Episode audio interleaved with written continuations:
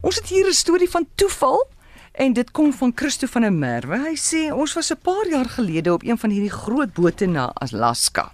Ek en my vrou. Ons was nee, ek en my vrou nog ander mense.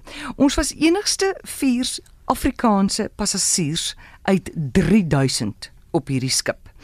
Daar was darm 40 Suid-Afrikaanse bemanning en veral een kelnerin van George wat ons oral opgesoek het.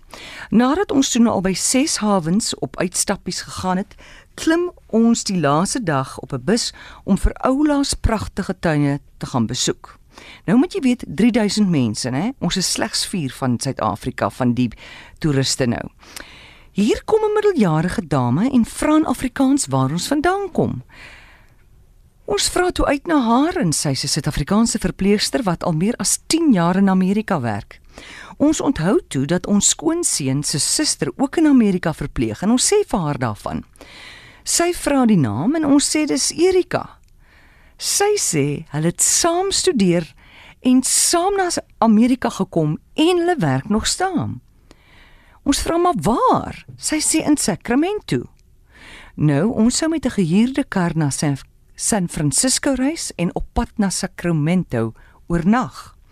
Ons kry toe die telefoonnommer en ons kuier toe by hulle en dit was 'n onverwagse lekkerte. En nee, dit was nie toeval nie. Daar het baie lig geval en ons het daai lekkerte so nodig gehad.